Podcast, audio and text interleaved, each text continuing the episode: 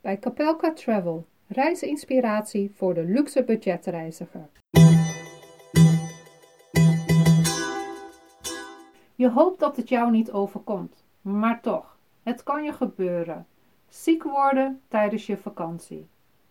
Bij mijn aankomst in Shanghai was ik zo enthousiast om in China te zijn en wilde ik zoveel gaan ontdekken en zoveel mogelijk lokaal eten proeven dat ik mezelf geen tijd gaf om te herstellen van de jetlag. Of gewoon om een beetje uit te rusten van het harde werken dat ik had gedaan in Nederland. Mijn enthousiasme leidde niet alleen tot een enorme verkoudheid, maar ook tot een verstopte speekselklier met daarbovenop nog een bacteriële infectie in diezelfde klier. Het werd zo erg dat ik op een gegeven moment mijn kaken nog nauwelijks van elkaar kon, kon halen. Laat staan iets eten. Ik kon alleen nog maar een beetje soep eten, wat vocht naar binnen brengen. Op dat moment zat er niets anders op dan om naar een arts in China te gaan. Mijn gastheer raadde aan om in eerste instantie naar het staatsziekenhuis van Wuxi te gaan. En dat leek mij een goed plan. Maar voordat ik daar naartoe ging, besloot ik wel eerst even mijn eigen ziektekostenverzekering te bellen. Ik heb namelijk een werelddekking bij mijn ziektekostenverzekering afgesloten, waardoor ik voor 1 euro per maand alle geneeskundige kosten in het buitenland ook vergoed krijg tot een bedrag wat ik anders in Nederland zou betalen. Via Skype belde ik met de internationale hulplijn van mijn verzekering en de jongen aan de telefoon gaf aan dat ik zowel naar het staatsziekenhuis als naar een privékliniek kon gaan. In beide gevallen zouden de door mij gemaakte kosten worden vergoed bij terugkomst. Ik moet dan een declaratie indienen om het geld terug te vragen en daarbij de duidelijke facturen inleveren, zodat de verzekeraar weet welke medicijnen vooral ik heb gekregen. Om mezelf niet gelijk op kosten te jagen, heb ik bedacht dat ik inderdaad eerst naar het staatsziekenhuis zou gaan. Want ja, ik moet wel alle rekeningen eerst zelf betalen en een privékliniek is natuurlijk veel duurder dan een staatsziekenhuis. Op dat moment verbleven wij in Wuxi en gingen wij dus naar de People's Hospital. Dat was makkelijk, we konden de metro nemen en daar aangekomen op het terrein van het ziekenhuis begon onze zoektocht naar de VIP Ward. Dit is een afdeling speciaal opgezet voor buitenlanders en andere belangrijke mensen. Het was de enige plek waar we eventueel iemand zouden kunnen aantreffen die een paar woorden Engels kon spreken. Het terrein was enorm groot. Ik denk dat er in totaal zo'n beetje 10, 14 verschillende gebouwen op dat terrein stonden. En nergens konden wij in Romaanse schrift de woorden VIP-woord vinden. En we hebben ongeveer 20 minuten gedwaald over het terrein. En uiteindelijk met onze Google Translate app verschillende borden gescand om op zoek te gaan naar hints voor uh, de VIP-woord. Uiteindelijk vonden we een verwijzing naar Foreigner en besloten we naar dat gebouw te gaan. En dat bleek inderdaad het gebouw te zijn van de VIP-woord.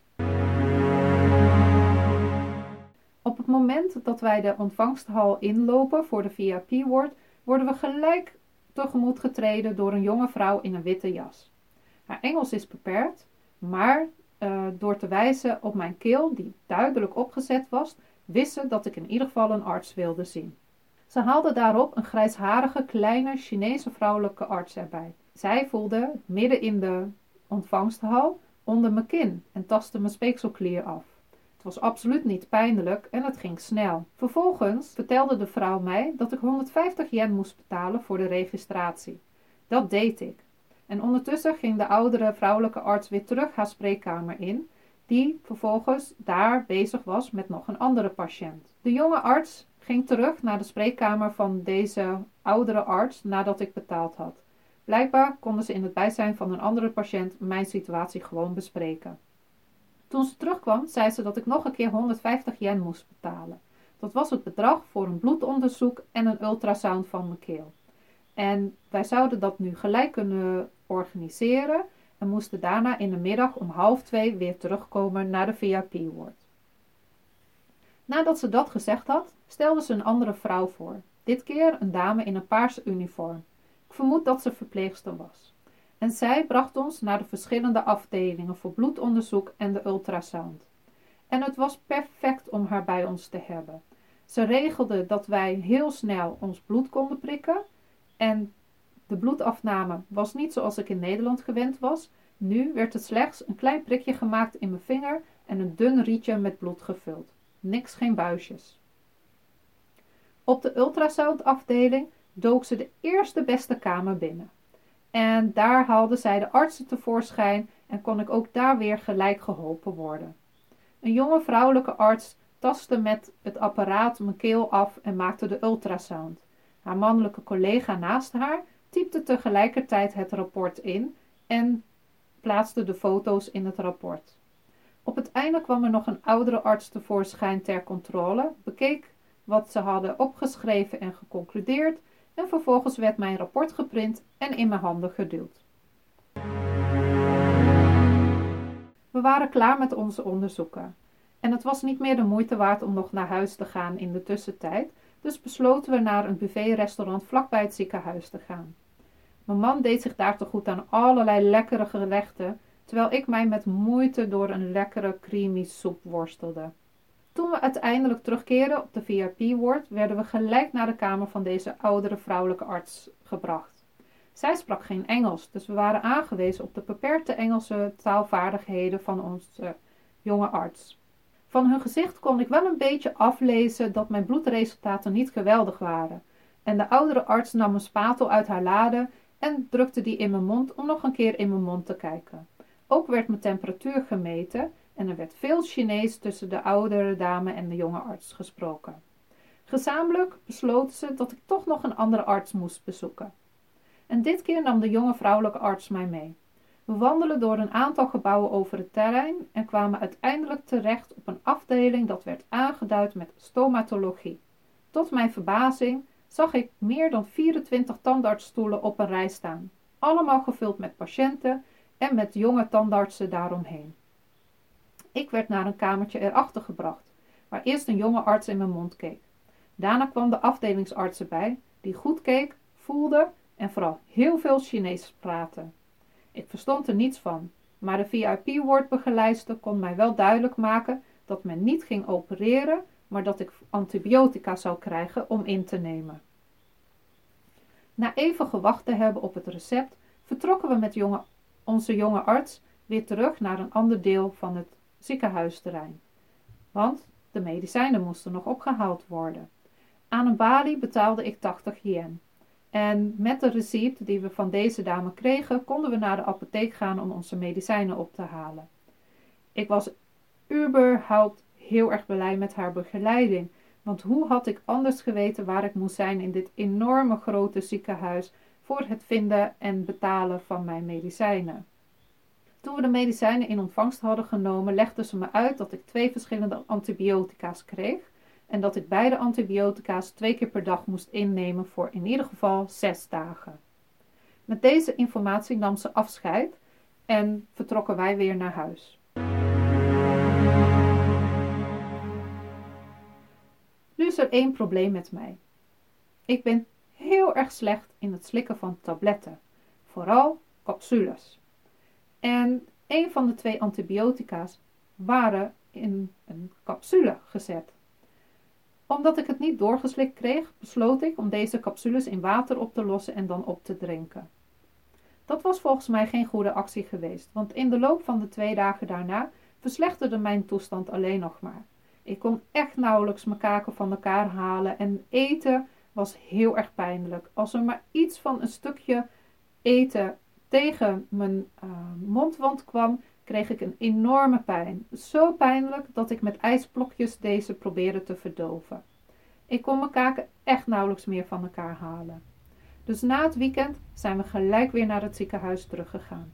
Mijn zwelling was ondertussen nog groter geworden en toen de jonge vrouwelijke arts zag hoe, ik er, hoe die eruit zag, schrok ze enorm en ik voelde dat ze wat ongemakkelijk lachte.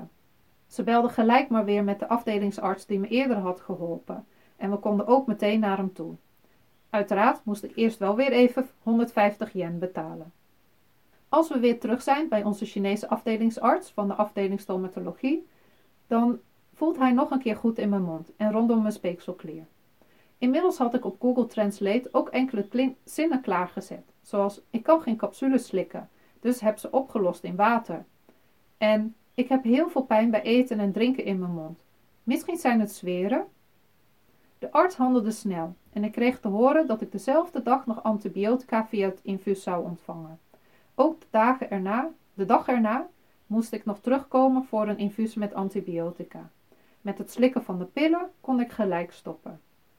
Met deze informatie ging ik weer met onze jonge arts op pad door het ziekenhuis. Weer eerst naar de balie om te betalen voor de medicijnen, welke dit keer toch wel een stukje duurder waren, zo'n 300 yen. En daarna moesten we naar een andere apotheek om de medicijnen op te halen. Vervolgens liepen we door naar de spoedeisende hulp. Daar, op de eerste etage, bevindt zich een zogenaamde infusion afdeling. En het was een afdeling. In een grote zaal met meer dan 100 stoelen ontvangen hier de mensen hun infuus met medicijnen.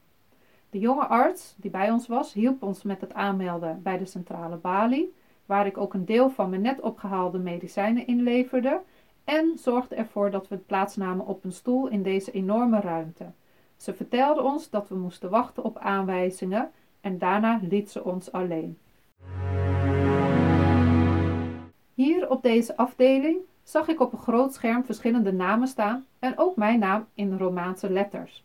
Dus ik wist dat ik opgeroepen zou worden om het infuus te laten zetten. Toen mijn naam bovenaan stond, ben ik naar een tafeltje gegaan midden in de ruimte.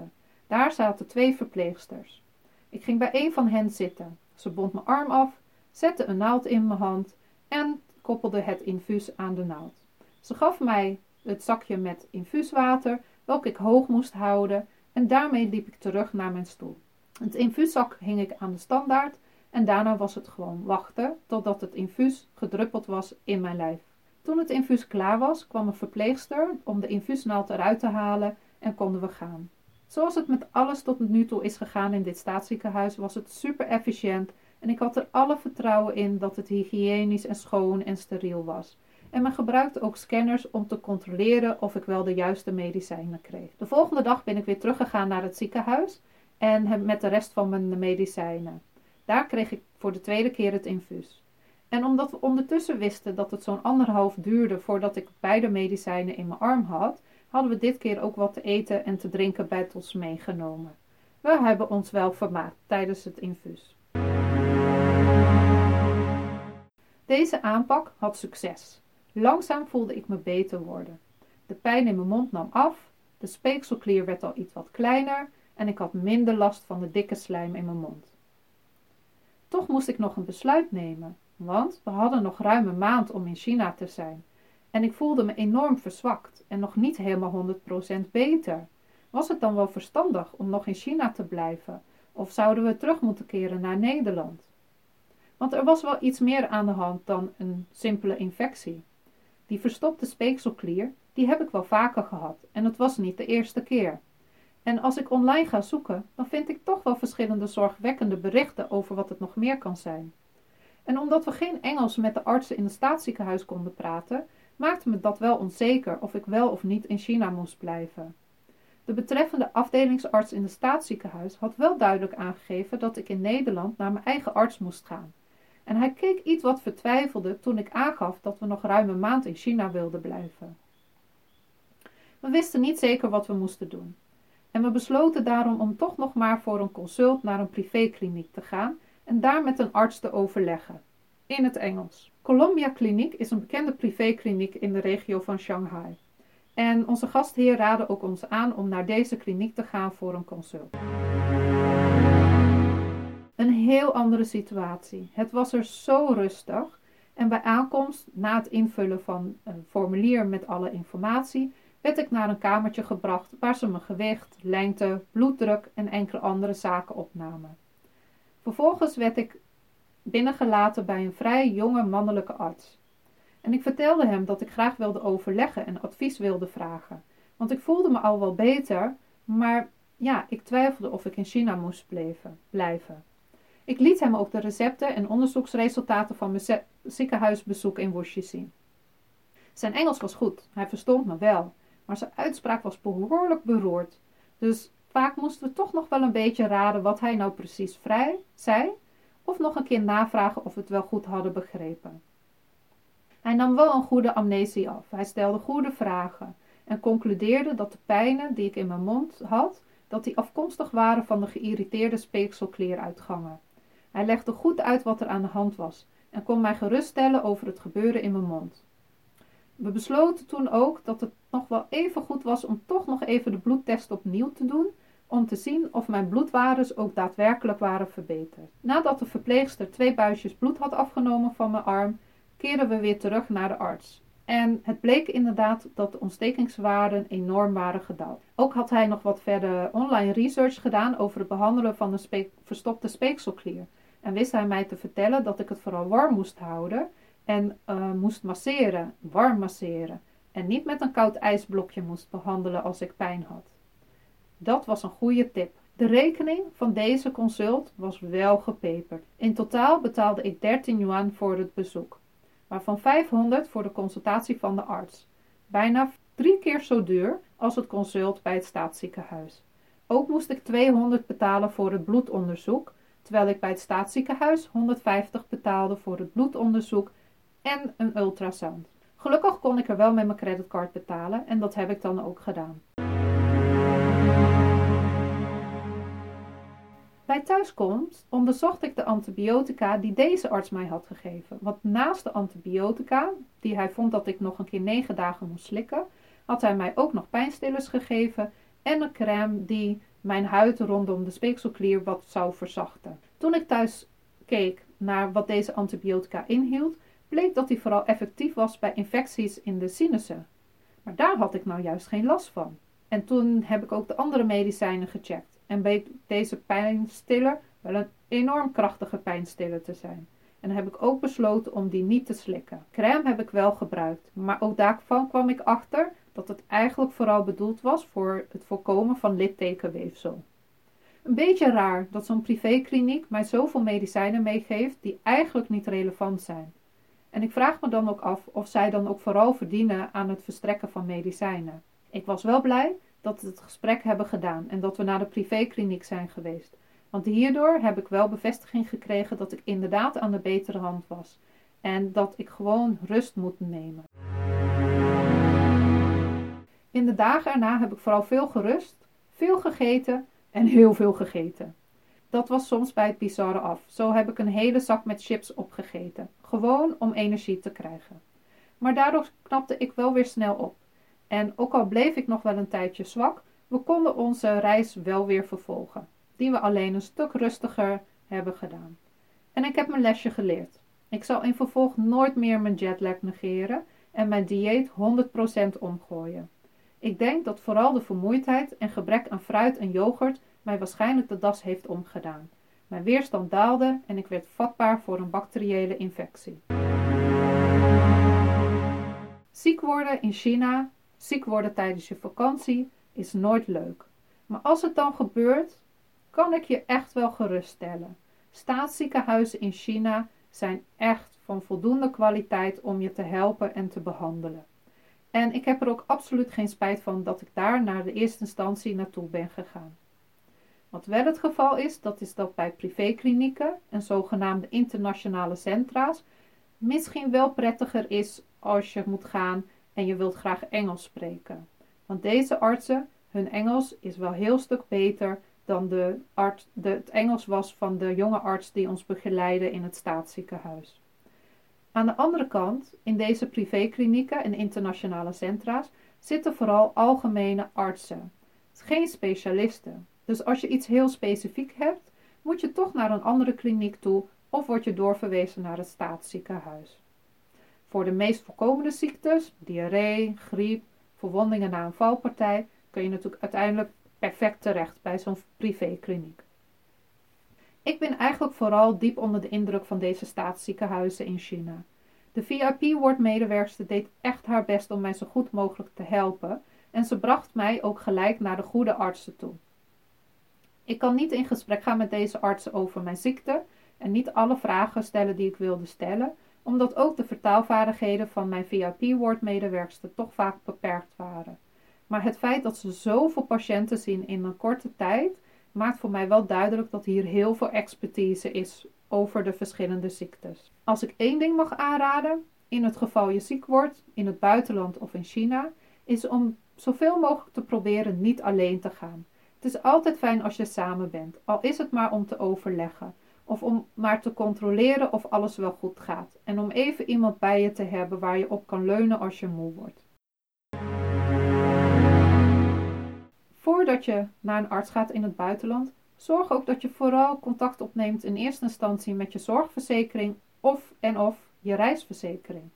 Want doe je dit niet, dan kan het zijn dat als je een declaratie indient, zij de gemaakte kosten niet gaan vergoeden omdat je het niet van tevoren hebt gemeld. Daarnaast kan je verzekeraar soms ook advies geven over welke kliniek het beste is om naartoe te gaan. In ieder geval, ik ben blij dat ik voldoende ben hersteld en dat ik nog een maand lang kon genieten van dit bijzondere land. En ik was ook blij dat ik niet gelijk hoorde of al mijn kosten daadwerkelijk werden vergoed of niet. Want bij mijn terugkomst in Nederland heb ik mijn declaratie netjes ingediend bij de zorgverzekeraar. En toen ik bericht terugkreeg, bleek dat eigenlijk al mijn kosten onder het eigen risico vielen. Ik kreeg alleen de consultatie van het arts in het ziekenhuis uitbetaald. Mijn consult bij de privékliniek viel geheel onder het eigen risico, omdat het een extra murale BV was. Heb je nog een reisverzekering erbij afgesloten met een dekking voor medische kosten, dan zou het kunnen zijn dat je die kosten die je niet vergoed krijgt van je ziektekostenverzekeraar, wel vergoed krijgt vanuit je reisverzekering. Maar misschien heb je ook daar een eigen risico die je eerst moet betalen voordat je vergoed krijgt voor je medische, vergoeding krijgt voor je medische kosten in het buitenland. Dus het is zeker de moeite waard om ook vooraf even te kijken hoe je situatie is, in geval je ziek mocht worden in het buitenland. In deze podcast heb ik het niet gehad over bijzondere toeristische bezienswaardigheden die ik heb gezien in China, maar over mijn ziek zijn en ziekenhuisbezoeken in dit bijzondere land. Het was een bijzondere ervaring. Ik doe het niet graag over, maar ik vond het wel heel fijn om te hebben meegemaakt, omdat het me ook weer een kans gaf om China vanuit een ander perspectief te zien en op een andere manier te ervaren.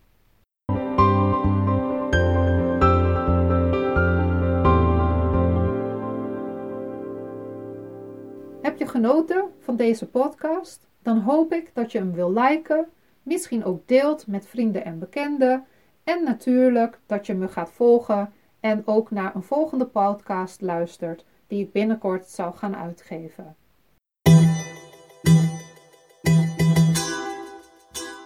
Dit was een podcast van Capelka Travel. Reisinspiratie voor de luxe budgetreiziger.